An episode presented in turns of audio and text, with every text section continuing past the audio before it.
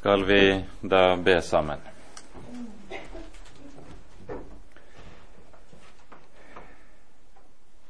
Kjære gode Gud og Hellige Far. Så kommer vi sammen igjen fremfor dine øyne. Takk, Herre, at du har gitt oss denne rett, at vi skal få ha adgang til deg og få lov å tre frem for deg som barn for sin gode far. Takk, Herre, at du nettopp har åpnet denne vei og denne adgang i Jesu død og i Jesu blod. Nå ber vi, Herre, for Jesu skyld, kom du og ta deg av oss.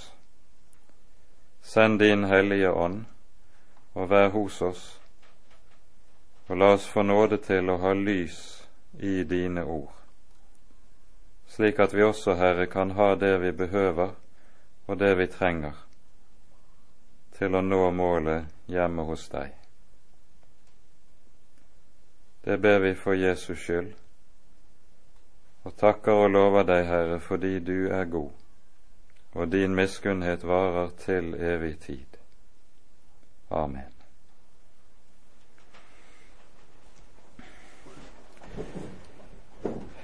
Vi skal altså i dag ta for oss det 17. og 18. kapittelet i Eh, åpenbaringsboken.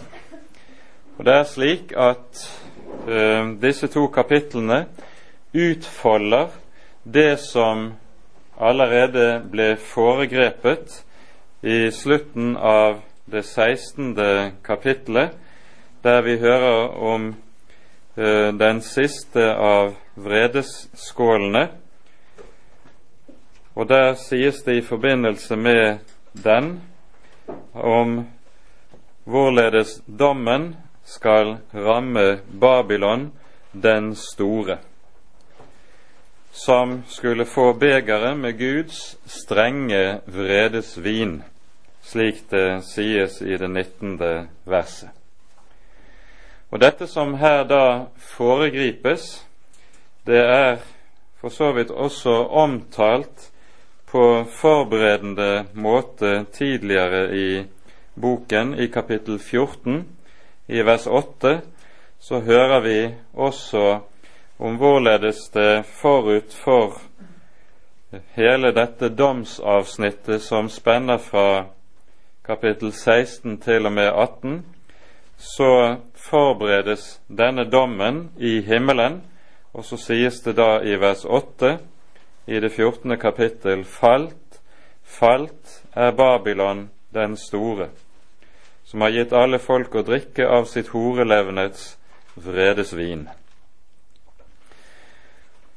Og Da er det jo slik i åpenbaringsboken, som dere vil huske vi har vært inne på ved flere anledninger, at den er bygget opp slik at først hører vi om det som skjer i himmelen, og det som da skjer i himmelen, utgjør da forutsetningen for det som skal komme til å skje på jorden.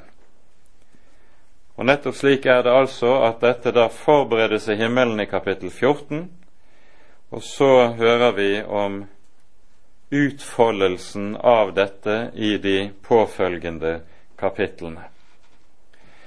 Og vi tar oss nå tid til å lese først det 17. kapittel i sammenheng.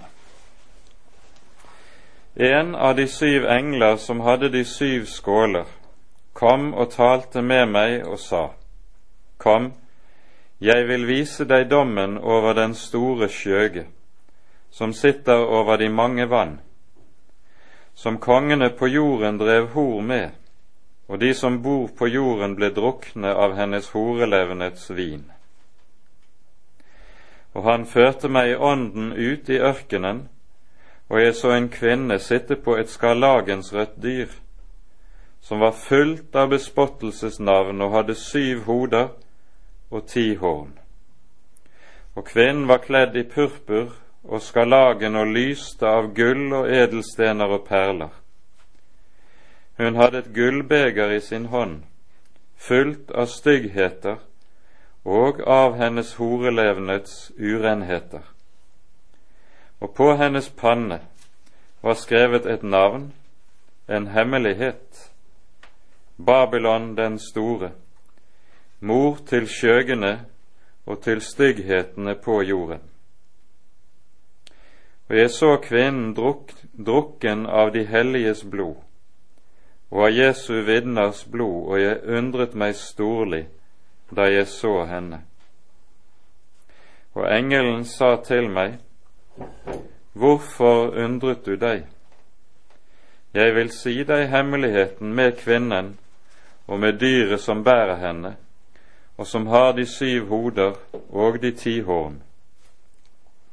Det dyr du så, var og er ikke, og det skal stige opp av avgrunnen og fare bort til undergang og de som bor på jorden, de hvis navn ikke fra verdens grunnvoll ble lagt, er skrevet i livets bok, skal undre seg når de ser at dyret var og ikke er og skal komme igjen. Her gjelder det vett som har visdom. De syv hoder er syv fjell som kvinnen sitter på, og de er syv konger.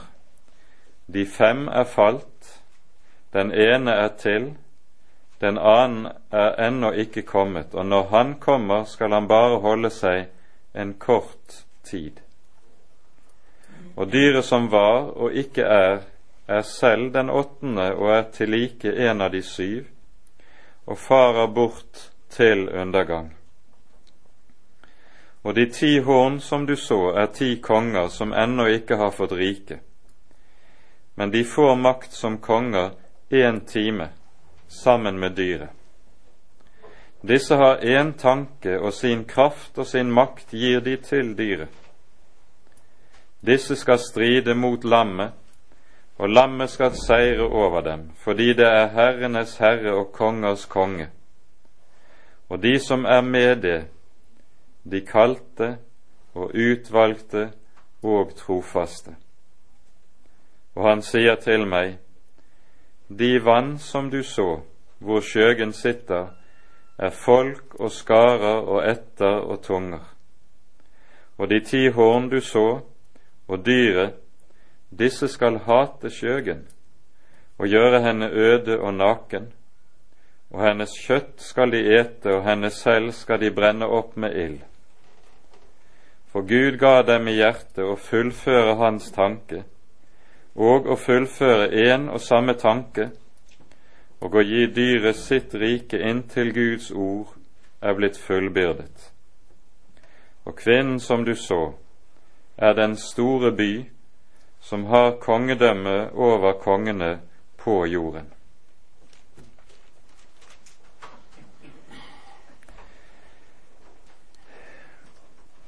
Temaet i dette kapitlet er to saker. For det første hører vi om skjøgen, som er Babylon det store, og for det andre hører vi om dyret som skjøgen rir på. Og vi forstår av måten dette dyr, eller villdyr, skildres på, at det er nøyaktig det samme som er malt for våre øyne allerede i det trettende kapittelet i åpenbaringsboken, der nettopp personen Antikrist og hans rike tegnes nettopp med disse trekkene. Han er villdyret med syv hoder og ti horn, som stiger opp av havet, slik vi hørte det. Og Det som er særegent ved dette kapittelet når det gjelder talen om Antikrist og hans rike, er at her får vi nærmere utlagt hva som ligger i bildet med de syv hoder og de ti horn. Hva dette egentlig handler om og innebærer. For at Johannes nå skal få lys over eller overblikk over det som han nå skal få se, så hentes han ut i ørkenen. Vi hører, hører det sies i vers 1 og 2 Kom, jeg vil vise deg. Og så føres han i vers 3, slik vi hører det, i ånden ut i ørkenen. Ørkenen er tidligere omtalt i åpenbaringsboken i det tolvte kapittelet. Her hører vi om en annen kvinne som males med helt andre trekk og helt andre farger enn henne skjøgen som vi hører om her i kapittel 17.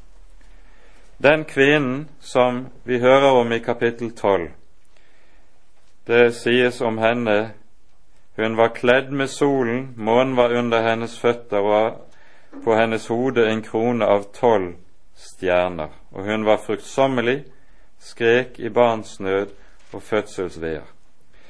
Kvinnen her i kapittel 12 er, som vi har talt om tidligere, bildet på Guds folk. Og det er i Guds folk og av Guds folk Guds sønn fødes, det er guttebarnet som omtales her i dette kapitlet. Og Guds folk, kvinnen, som er jomfruen, som bruden tegnes under bildet av gjentatte ganger gjennom hele Den hellige skrift. Hun etterstrebes av dragen, forfølges av dragen.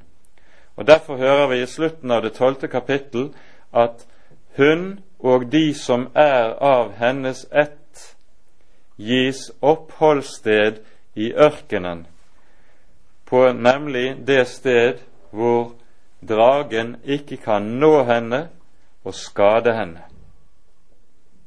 Ørkenen er altså betegner avsondretheten fra verden der Guds folk bor under Herrens beskyttelse, hvilket innebærer at selv de største trengsler dog ikke kan skade gudsfolket. Så tas Johannes med ut i ørkenen for å være der hvor det øvrige av gudsfolket er, og så er det på det vis han også så å si får det rette perspektiv på det han nå skal se. Og så står de overfor hverandre, disse to store motsetninger. På den ene siden Guds folk, som er jomfruen, jomfruen Israel, som det kalles i Det gamle testamentet, og nå, slik som vi får se det her i det 17. kapittel, skjøgen, som symboliserer denne verdens rike i all dens herlighet. Så jomfruen og skjøgen står der som de to store motpolene i åpenbaringsboken.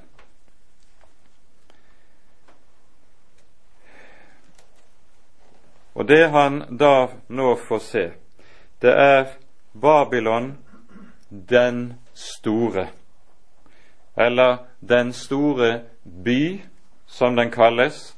Vi hører det sies i det siste verset i, her i det 17. kapittel.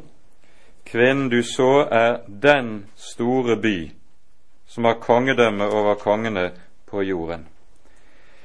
Babylon symboliserer Antikrists hovedstad.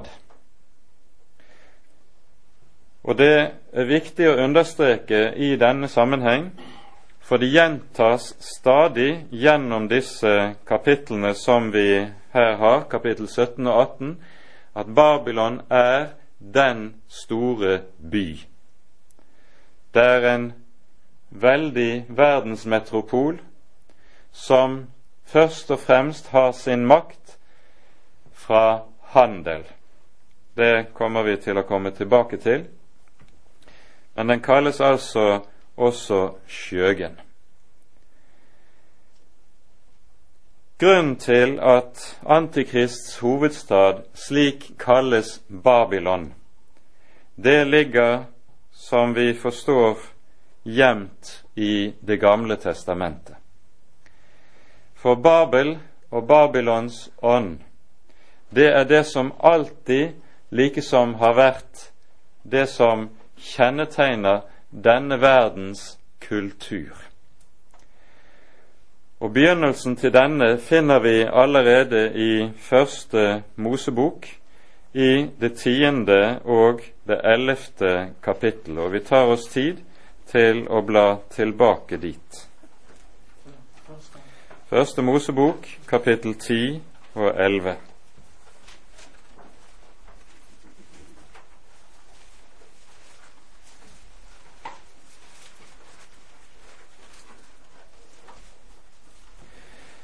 Det er jo i det ellevte kapittelet i Første Mosebok vi hører om byggingen av Babels tårn. Og Vi leser et par vers fra dette kapittelet. Hele jorden hadde ett tungemål og ens tale, og de dro frem mot øst og fant en slette i landet Sinia. Der bosatte de seg, og de sa til hverandre:" Kom, La oss gjøre teglstein og brenne dem vel, og de brukte tegl i stedet for sten og jordbek i stedet for kalk. Så sa de, Kom, la oss bygge oss en by med et tårn som når opp til himmelen, og gjøre oss et navn, så vi ikke skal spres over hele jorden. Det vi hører om her, det er det første prosjektet i verdenshistorien der mennesket søker å etablere én verden. En enhetlig verden, en enhetlig kultur, og dette symboliseres da ved det å prøve å reise Babelstårnet. Babelstårnet, det var i hele Midtøsten-regionen symbolet på fjellet. Og fjellet, det er alltid i disse nærorientalske religionene gudenes oppholdssted. Og det var slik at de tårnpyramidene som man slik bygget i særlig i eh, området mellom Eufrat og Tigris, de var bygget i syv trinn, slik at det var et tempel på det øverste trinnet. Og tempelet på det øverste trinn, det var regnet som himmelens port. Der var det at hovedguden skulle forenes med en av prestinnene i tempelet, og så har man tempelprostitusjonen, som dermed også var en integrert del av datidens religioner. Dette var altså himmelens port. Gudsdyrkelse og seksualdyrkelse var to sider av samme sak i alle disse religionene i Midtøsten. Sånn at når det sies her at man prøver å bygge et tårn som skal nå like til himmelen, så er ikke det slik som vi vanligvis forstår det uttrykk for at man skulle bygge et tårn som kunne være høyere enn månen. Men det er altså tale om et tårn der det øverste trinnet, det syvende trinnet, er et tempel som er himmelens port. Poenget med hele denne tempelbyggingen er dobbel. For det første, mennesket vil gjøre seg et navn. Og for det andre, forenes i én verdensomspennende kultur. Man skulle ikke adspres over jorden.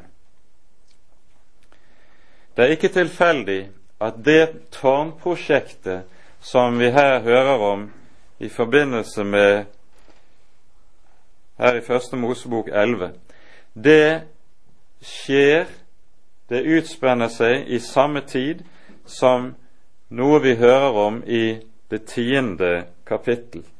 Og her leser vi ifra vers åtte av. Kush fikk sønnen Nimrod. Han var den første som fikk stort velde på jorden. Han var en veldig jeger for Herrens åsyn. Derfor sier folk en veldig jeger for Herrens åsyn som Nimrod. Først hersket han over Babel og Erek og Akkad og Kalne i landet Sinjar. Fra dette land dro han ut til Assur og bygget Ninive og Rehovot Ir og Kala og Resen mellom Ninive og Kala. Dette er den store stad. Nimrod, sies det, han var den første som fikk velde på jorden. Han er den første som nettopp prøver på det prosjekt som senere alle de store erobrerne i historien har forsøkt på, det å oppnå verdensherredømme. Og Derfor brukes dette uttrykket som det sies om ham. Han var en veldig jeger for Herrens åsyn. Det betyr ikke at han var, var dyktig på løvejakt eller elefantjakt, men han jaget mennesker.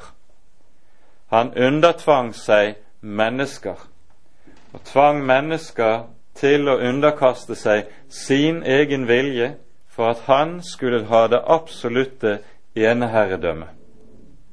Det er dette som ligger i det som sies her. Altså hele dette prosjektet med forsøk på å oppnå verdens herredømme, det finner vi i sin første kjerne i Babel. Sammen med Babels tårn finner vi personen Nimrod. Og Da kan det også være verd å legge merke til at navnet Nimrod eh, kommer av et hebraisk verb som betyr vi forakter, vi spotter, vi vil gjøre opprør. Slik at det som på denne måten symboliseres, det er nettopp det mennesket som undertvinger seg andre i forsøket på å oppnå verdensherredømme, det gjør dette samtidig i et målbevisst og målrettet opprør mot den levende Gud. Det er Babels kultur i et nøtteskall. Og det er det samme som så har preget og kjennetegnet alle de ulike riker som siden har søkt å oppnå verdens herredømme.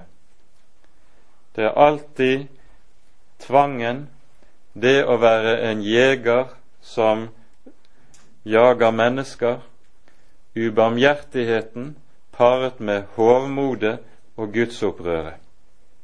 Det er Babels kulturen. Og slik ser vi at Bibelens begynnelse og Bibelens avslutning på ny henger sammen. For den ånd som Nimrod representerer, det er den som så å si når sitt høydepunkt i villdyret som stiger opp av havet, og som skjøgen rir på, slik vi nå hører det i Åpenbaringen 17. Vi skal også merke oss at Babel, eller Babylon, kalles hele tiden i disse kapitlene i åpenbaringsboken som vi nå er inne i, for Den store. Og Det er et uttrykk som ikke bare eh, beskriver at dette er en veldig stor by, en verdensmetropol med millioner av innbyggere, men det, beskriver, det er en etisk betegnelse som beskriver nettopp det hovmod, menneskets trang til å gjøre seg selv stor, og som har som følge at en forkaster Gud Herren. Det er grunnsynden fra første Mosebok tre som ligger bak. Når djevelen fristet Adam og Eva med ordene 'Dere skal bli like som Gud'. Det er den grunnsyn som ligger bak, og som kommer til uttrykk i dette predikatet Babylon den store. Det er den som vil være stor, opphøye seg selv. Om dette sier Jesus prinsipielt i Lukasevangeliets 16. kapittel et ord som vi gjør vel i å merke oss nøye. Han sier alt som er høyt i menneskers øyne, er en vederstyggelighet i Guds øyne. Alt som er høyt i menneskers øyne, er vederstyggelig i Guds øyne. Lukas 16, vers 17. Vi kommer tilbake til dette. Når det sies om byen Babylon at den rir på villdyret, så innebærer det at det likesom er Antikrist som med sitt velde oppebærer og gir Babylon dens betydning og herredømme. Likesom på Johannes tid Roma hentet sin makt og betydning fra det faktum at det var der keiseren hadde sitt sete, det var der maktens sentrum lå. Hun rir da på villdyret, og så sies det, skildres hun for oss, hun var kledd i purpur og skarlagen, dvs. Si i kongelige klær, og lyste av gull, edelstener og perler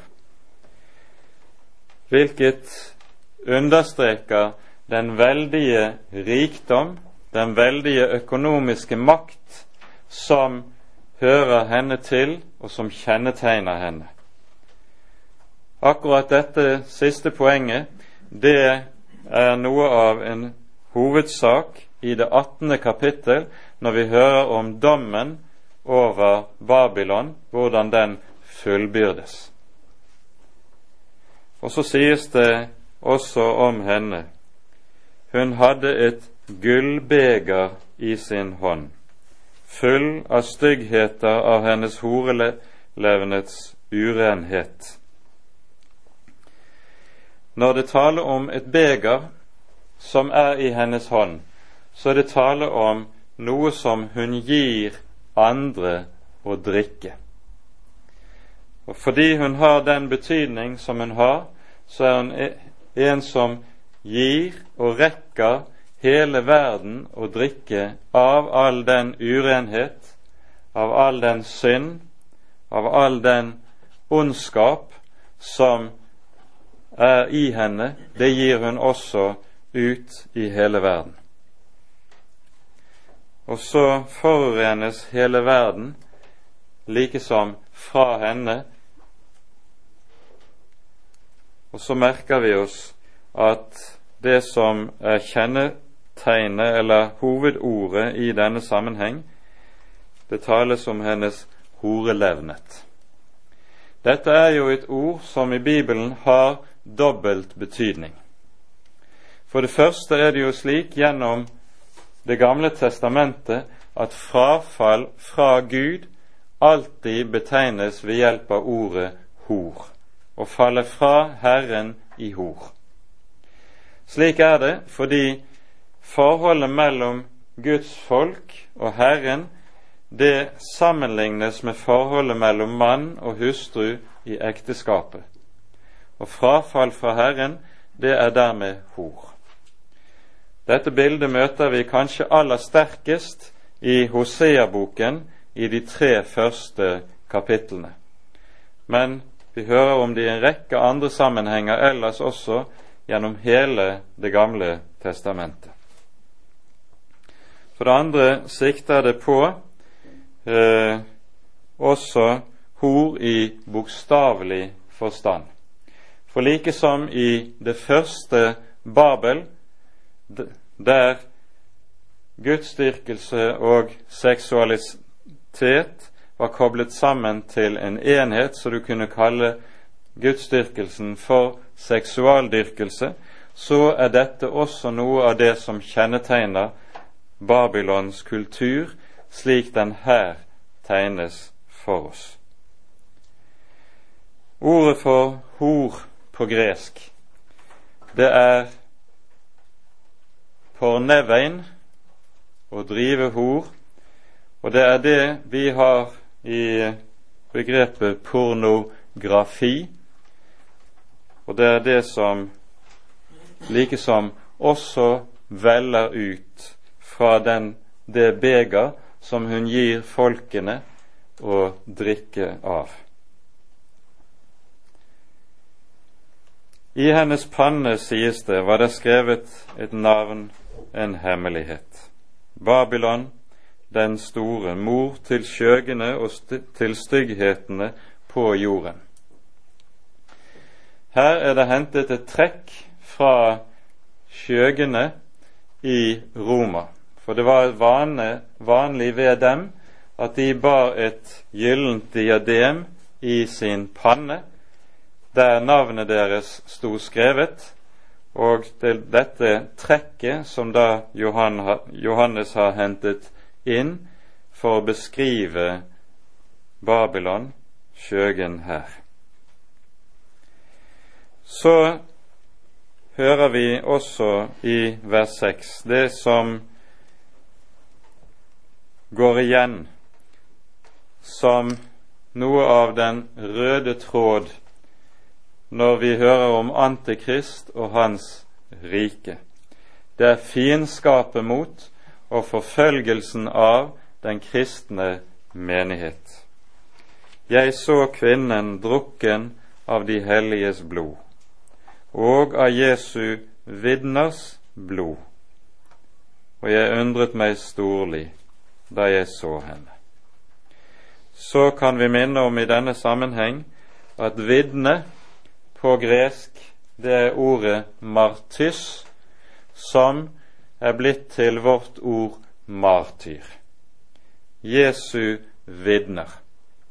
Det er de som har det som sitt liv, at de vitner om Jesus, og vitnesbyrdet om Jesus er det som er deres, det som de holder seg til, og som kjennetegner dem. Nå kommer så, etter at Johannes har sett kvinnen som rir på villdyret, kommer så utleggelsen fra vers 7 av. Engelen sa til meg, hvorfor undrer du deg? Jeg vil si deg hemmeligheten med kvinnen og med dyret som bærer henne, som har de syv hoder og de ti horn.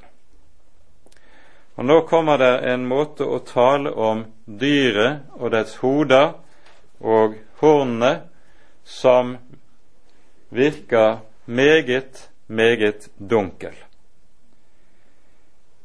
Og det har vært forsøkt en mengde ulike forklaringer på dette i løpet av Kirkens historie.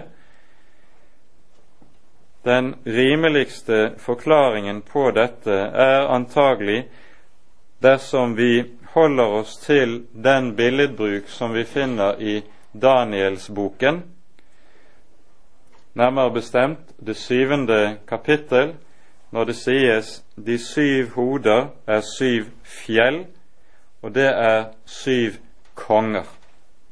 Så tenkes det med dette på, nøyaktig som i Daniel 7, syv riker som følger på hverandre. syv riker som alle har det som sitt kjennemerke, at de har likesom vært verdens riker, med, og som har bestrebet seg mot verdens herredømme. Og det sies om disse slik, som vi hører det. De er syv konger, de fem er falt, den ene er til, den annen er ennå ikke kommet. At vi med dette sier at det altså betegner syv riker, det henger sammen med at slik Bibelen taler om disse ting, så regnes alltid et rike og kongen i dette riket som en enhet. Du kan liksom ikke skille kongen og riket. De er ett. Og det som det da er tale om, for det første det riket som er til, det sier seg da selv, det er jo Romerriket, for det var i den periode apostelen Johannes skrev åpenbaringsboken. Forut for ham forut for Romerriket hadde vi det gresk-makedonske riket som ble etablert av Alexander den store. Før ham det persiske verdensriket. Før det igjen det babylonske verdensriket. Før det det asyriske, og atter før det igjen det egyptiske. Og Med dette så får du akkurat det tall på riker som har søkt verdensherredømme i Midtøsten-regionen, som vi har her. Fem er gått til grunne, ett er nå, og det ene er ennå ikke kommet.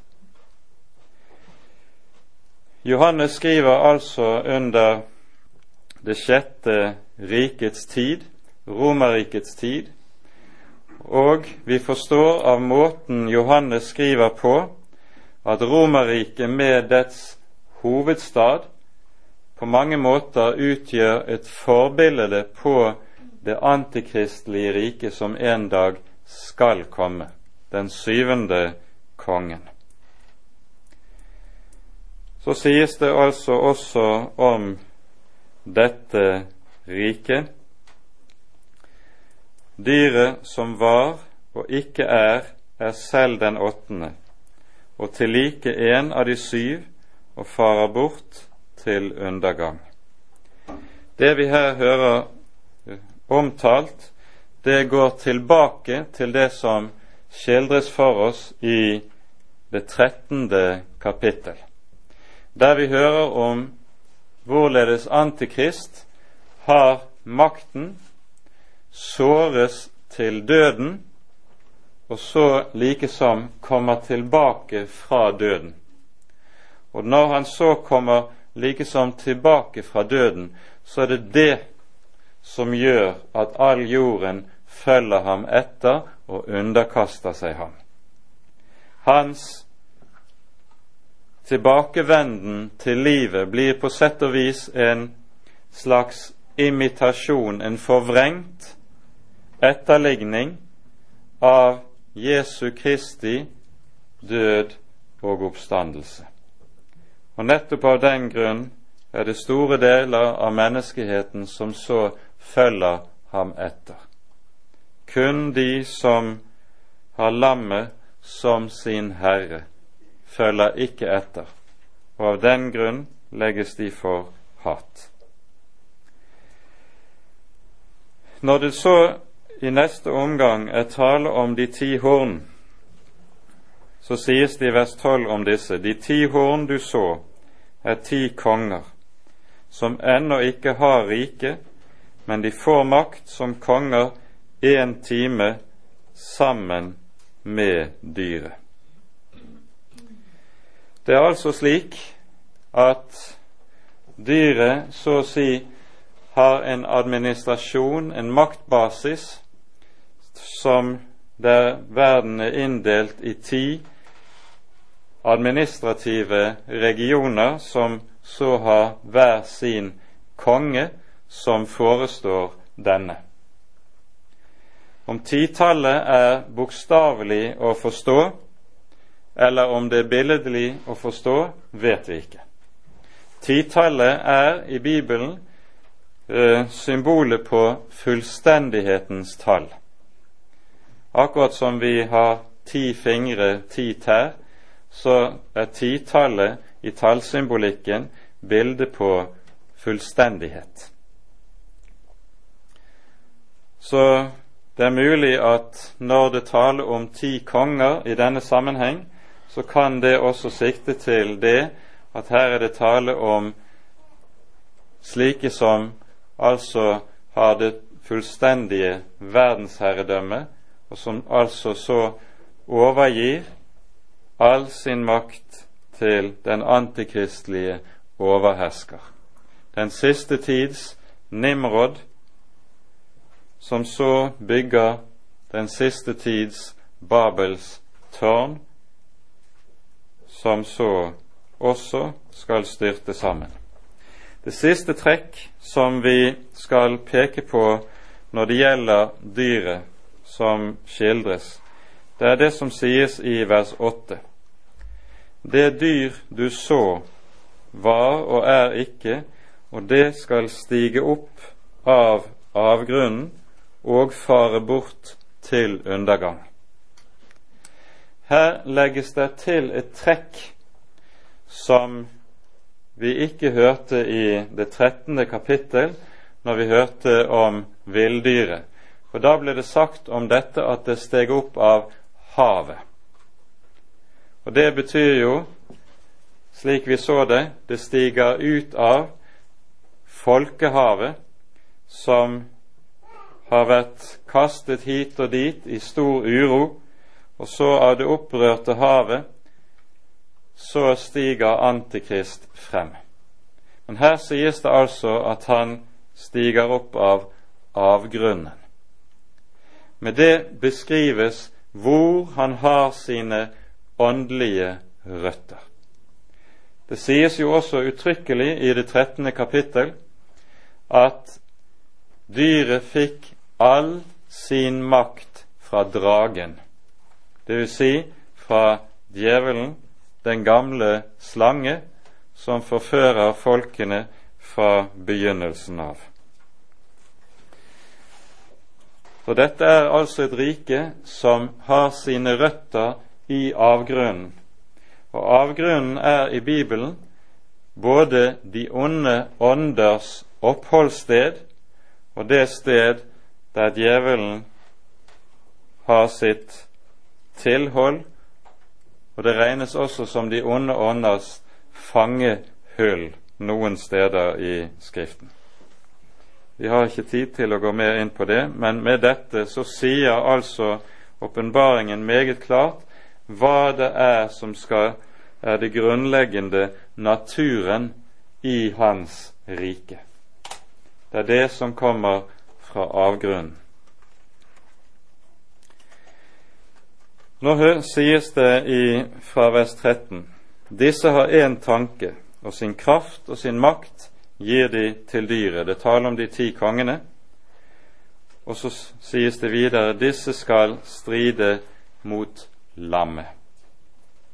På ny er det Nimrods ånd, den ånd som reiste Babels tårn, og som har det veldige fiendskapet mot Herren og de som hører ham til, som noe av det grunnleggende prosjektet i sitt rike. De Og med denne skildringen går så teksten over til å skildre det som skal skje når Babel faller.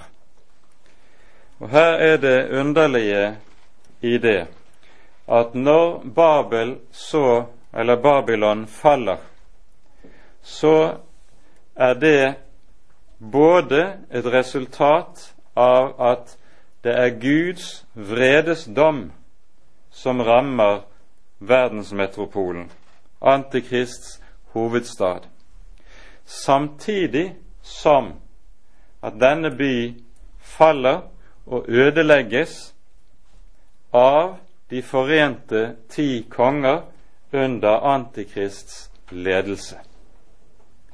Og Dette kan virke som noe av et paradoks. Men vi skjønner det når vi vet hvordan forholdene var f.eks. i det gamle Roma. Var det noe keiserne fryktet i det gamle Roma, så var det nettopp det store folkehav, eller mobben, i byen, som meget fort og meget lett kunne la seg vende imot keiseren, og slik også gjøre opprør. Befolkningen i slike store sentra kan alltid være meget labil og meget lett å drive snart i den ene og snart i den andre retning. Og antagelig er det slik frykt, og kanskje et truende opprør mot Antikrists herredømme, som nå utgjør bakgrunnen for at disse sammen enes om å ødelegge det som er deres maktbasis og hovedsete. Og Her ser vi noe som også fortelles oss i en rekke andre sammenhenger i Skriften. Når Gud dømmer ugudeligheten, så dømmer han ugudeligheten ved hjelp av ugudeliges hånd. Aller tydeligst, tydeligst eh, sies dette kanskje i Jesaja-boken i det tiende kapitlet. Her hører vi om eh, hvorledes eh, det asyriske riket er Guds vredes ris over et ugudelig og frafallent Israel.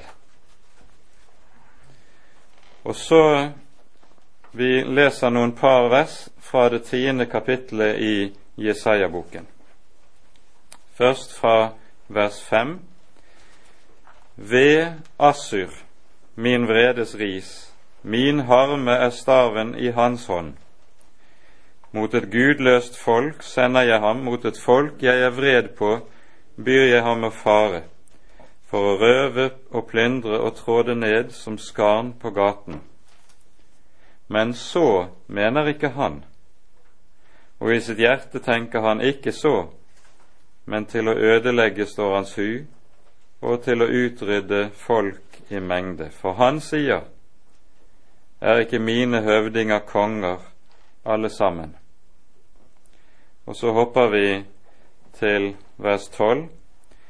Når Herren har fullført hele sin gjerning på Sionsberg og Jerusalem, da vil jeg hjemsøke Assurs konge for frukten av hans hjertes overmot og hans stolte øynes tross.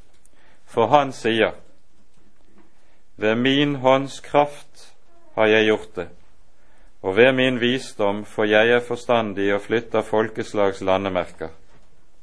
Og deres skatter har jeg plyndret, og i mitt velde støtter jeg dem ned, dem som satt i høyseter. Og så hopper vi til vers 15. Her spør Gud Assur det hovmodige verdensrike, roser vel øksen seg mot den som hogger med den, eller gjør sagen seg stor mot den som drar den, rett som om staven svinget den som løftet den, og som om kjeppen løftet den som ikke er av tre. Vi skjønner hva som sies her, det asyriske verdensriket er her utelukkende et redskap, et verktøy, i Guds domsgjerning over ugudeligheten i sitt eget folk. De Asyria vet ikke dette selv. Tvert om, selvstore skryter de over sin makt og over sitt velde. Men nettopp på grunn av dette selvskryt, og fordi de ikke erkjenner at de kun er redskaper i Guds hånd, skal turen så komme til dem, og ødeleggelsen skal se dem. Og så går det asyriske verdensriket under, vel hundrede år etter det Jesaja talte her. På samme vis er det altså med det vi nå hører i åpenbaringen, kapittel 17 og 18. Her er det verdensriket som så å si begynner å utføre dommen over seg selv. Og den begynner i hovedsetet med skjøgen Babylon. Og Vi får da ta oss tid til å lese ifra det 18. kapittel.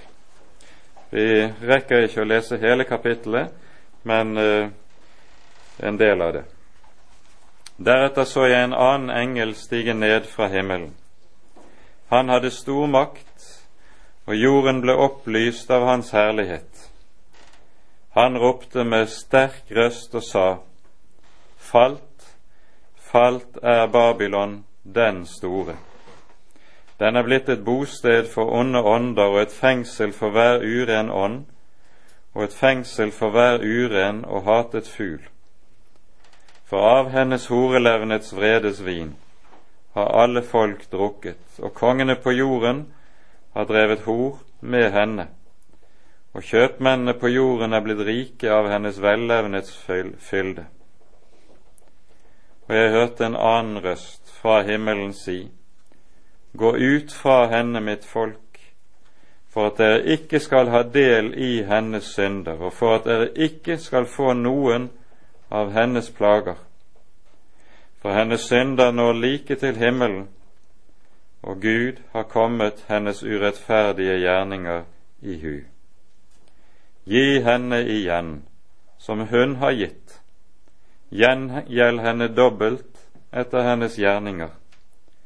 Skjenk henne dobbelt i det beger hun har iskjenket. Så meget som hun har opphøyet seg selv og levet i velevnet, så meget skal dere gi henne av pine og sorg, fordi hun sier i sitt hjerte:" Jeg sitter som dronning og er ikke enke, sorg skal jeg aldri se. Derfor skal hennes plager komme på én dag, død og sorg og sult, og hun skal bli oppbrent med ild. For sterk er Gud Herren som dømte henne. Så følger ifra vers 9 av og utover til og med vers 19 tre klagesanger, eller tre vedklager. Den første synges av kongene på jorden, den andre av handelsmennene på jorden, og den tredje av sjøfolkene på jorden. Alle de som aller mest har blitt rike på handelen med henne, på rikdommen som var i hennes midte. Og sorgen deres, den hører vi den, Det som kjennetegner den, er at den, de står langt borte og klager. Og det de klager over, er ikke i medlidenhet over ulykken som har rammet dem som sto dem nær. Men de klager over at kilden til rikdom er ødelagt. Altså, de beklager dypest sett at nå har de ikke lenger selv mulighet til videre å berike seg. Det er egoismen dypest sett som ligger bak vedklagen i det vi her hører.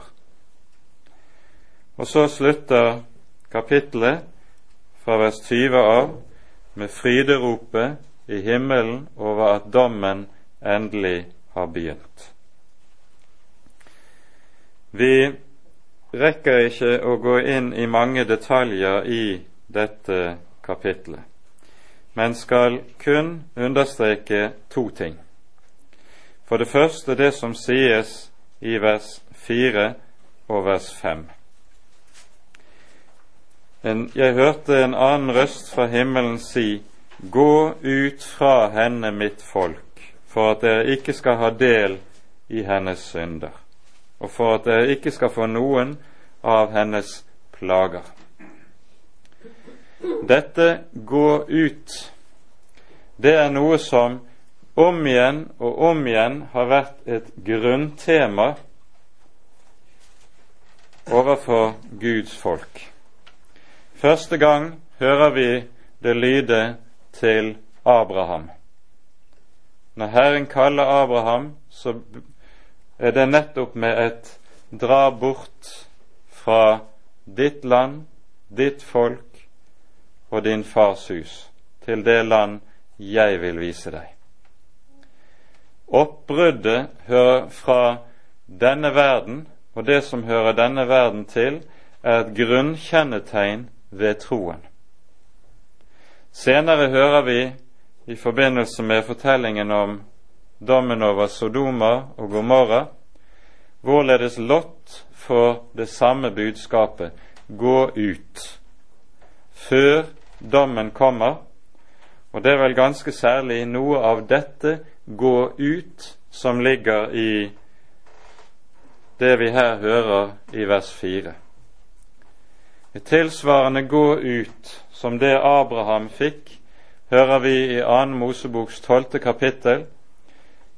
Den siste natt når Israel eter påskelammet, så er det med belte om lenden, sko på foten og stav i hånde.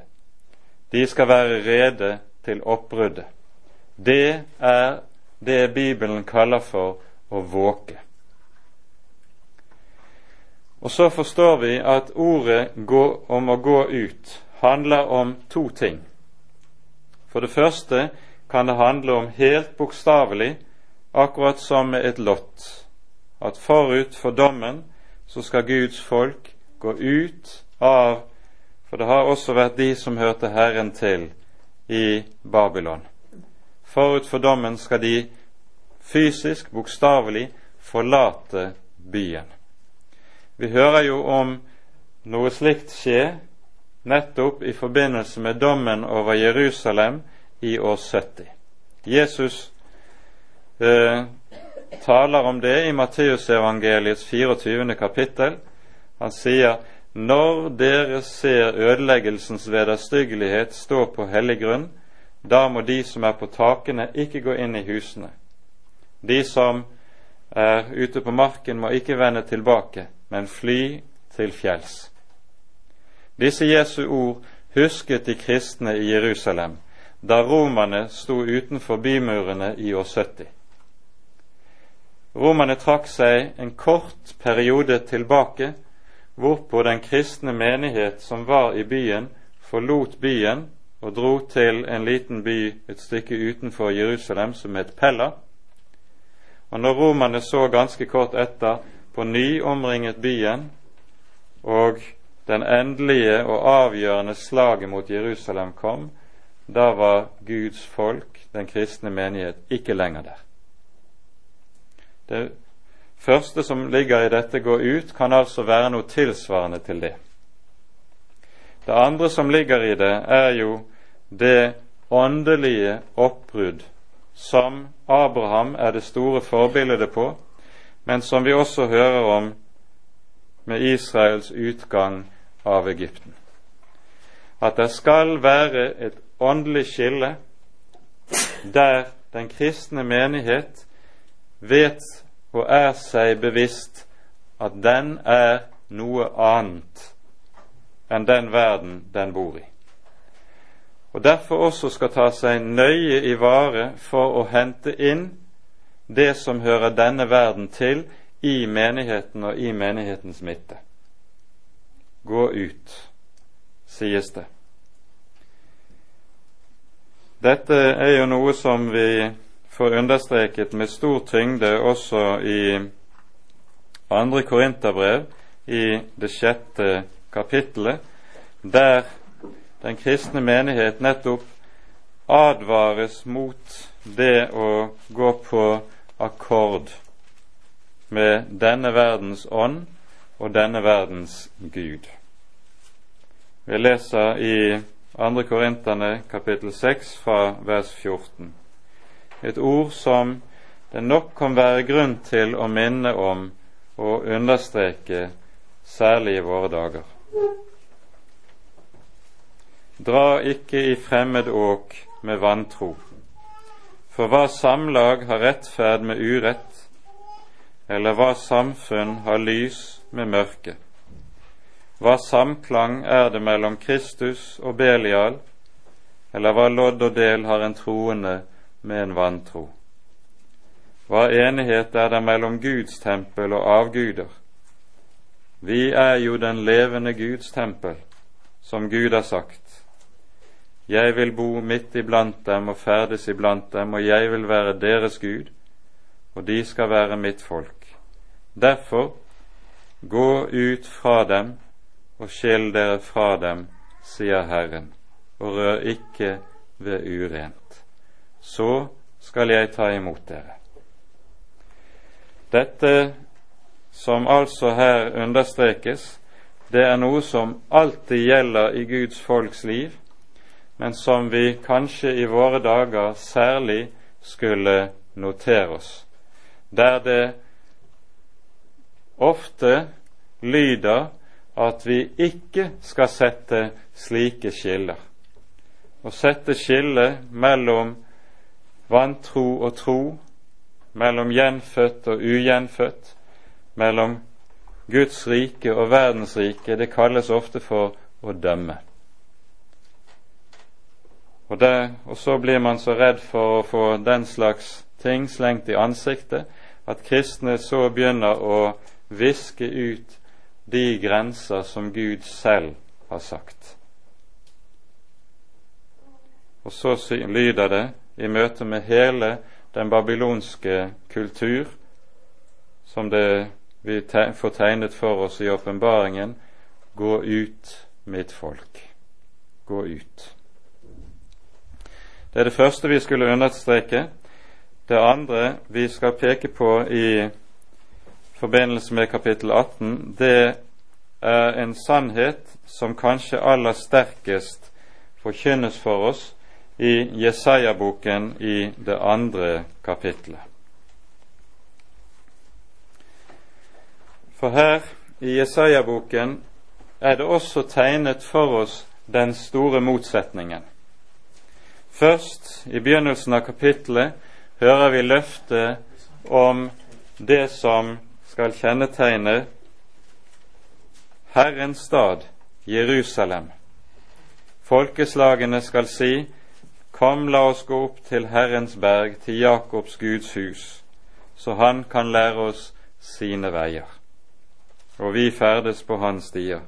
På det ene side Herrens stad. Og så på den annen side den ugudelige stad som rammes av dommen. Og denne dom er så beskrevet i siste halvdel av kapittelet der vi leser fra vers 9 av. Mennesket blir bøyet, og mannen ydmyket, tilgi dem ikke. Gå inn i fjellet og skjul deg i støvet for Herrens gru og for Hans høyhets herlighet. Menneskets stolte øyne blir ydmyket, mennes stolthet blir bøyet, og Herren alene er høy på den dag. For Herren herskarenes Gud har satt en dag til dom over alt stolt og høyt, over alt opphøyet, så det blir ydmyket. Både Libanons sedrer, de høye opphøyde og alle Basans eker, alle de høye fjell og de stolte høyder, hvert høyt tårn og hver fast mur, hvert tasseskip og alt som er fagert å skue. Og menneskets overmot blir bøyet, og mennenes stolthet blir ydmyket, og Herren alene er høy på den dag. Og avgudene, med dem er det helt forbi. Folk skal gå inn i fjellhulen og i jordens revner for Herrens gru, og for Hans høyhets herlighet når Han reiser seg for å forferde jorden. På den dag skal menneskene kaste sine guder av sølv og gull, som de har gjort seg for å tilbe dem, bort til muldvarpen og flaggermusene, og gå inn i fjellkløften og i berghulene for Herrens gru, og for Hans høyhets herlighet, når Han reiser seg for å forferde jorden. Hold da opp med å stole på mennesket, i hvis nese det bare er et pust. Hva er han å akte for? Herren alene er høy på den dag. Det er det som ligger foran. Og så skal alt som søker å være stort og stolt og høyt, bøyes og legges til jorden. Dette er dommen over Babel, som alltid har hatt byggingen av det høye tårn, og det hovmod som tårnet symboliserer, som sitt kjennetegn. Men Herren har satt en dag til dom over alt som er høyt, og så er Han alene høy på den dag. I Salmenes bok er det en rekke salmer som taler så å si direkte inn i denne domssituasjon som vi her hører om. Og vi tenker da først og fremst på salmene fra salme 93 til og med salme 99. Vi skal ikke lese mye fra disse, men bare minne om det som står på slutten av Salme 96, som likesom da er sentrum i dette, denne gruppen av salmer som taler om disse tingene. Vi leser fra Salme 96, fra vers 10. Si blant hedningene, Herren er blitt konge, og jorderiket står fast det rokkes ikke. Han dømmer folkene med rettvishet. Himmelen gleder seg, og jorden fryder seg. Havet bruser og alt det som fyller det. Marken fryder seg og alt det som er på den. Da jubler alle trær i skogen for Herrens åsyn, for Han kommer. Han kommer for å dømme jorden. Han skal dømme jorderiket i rettferdighet, og folkene i sin trofasthet. Og det er den dom som her taler om i Salme 96, som så tegnes for våre øyne i disse kapitlene 17 og 18 i åpenbaringsboken. Herren alene er høy på den dag. Og Når det da står i dette at det ikke bare er, som vi hører i åpenbaringen 18 på slutten, at himmelen jubler, men også hele skaperverket jubler over dommen som kommer. Herren kommer. Herren kommer for å dømme. Og så jubler liksom hele skaperverket. Så er det fordi skaperverket har blitt ødelagt tråkket under jernskodd hæl av en ugudelig verden, som på grunn av synden er lagt under forbannelsens lov. Når dommen nå kommer, så ligger det med det også et løfte om at nå skal også skaperverket i sin helhet og i sin fylde frigjøres fra forgjengelighetens trelldom. Og så synges det som vi hører det i disse salmene. Herren er blitt konge. Jorden fryde seg, mange øer gleder seg, kommer det så i den neste salme 97. Amen. Ære være Faderen og Sønnen og Den hellige ånd, som var og er og være skal en sann Gud, høylovet i evighet. Amen.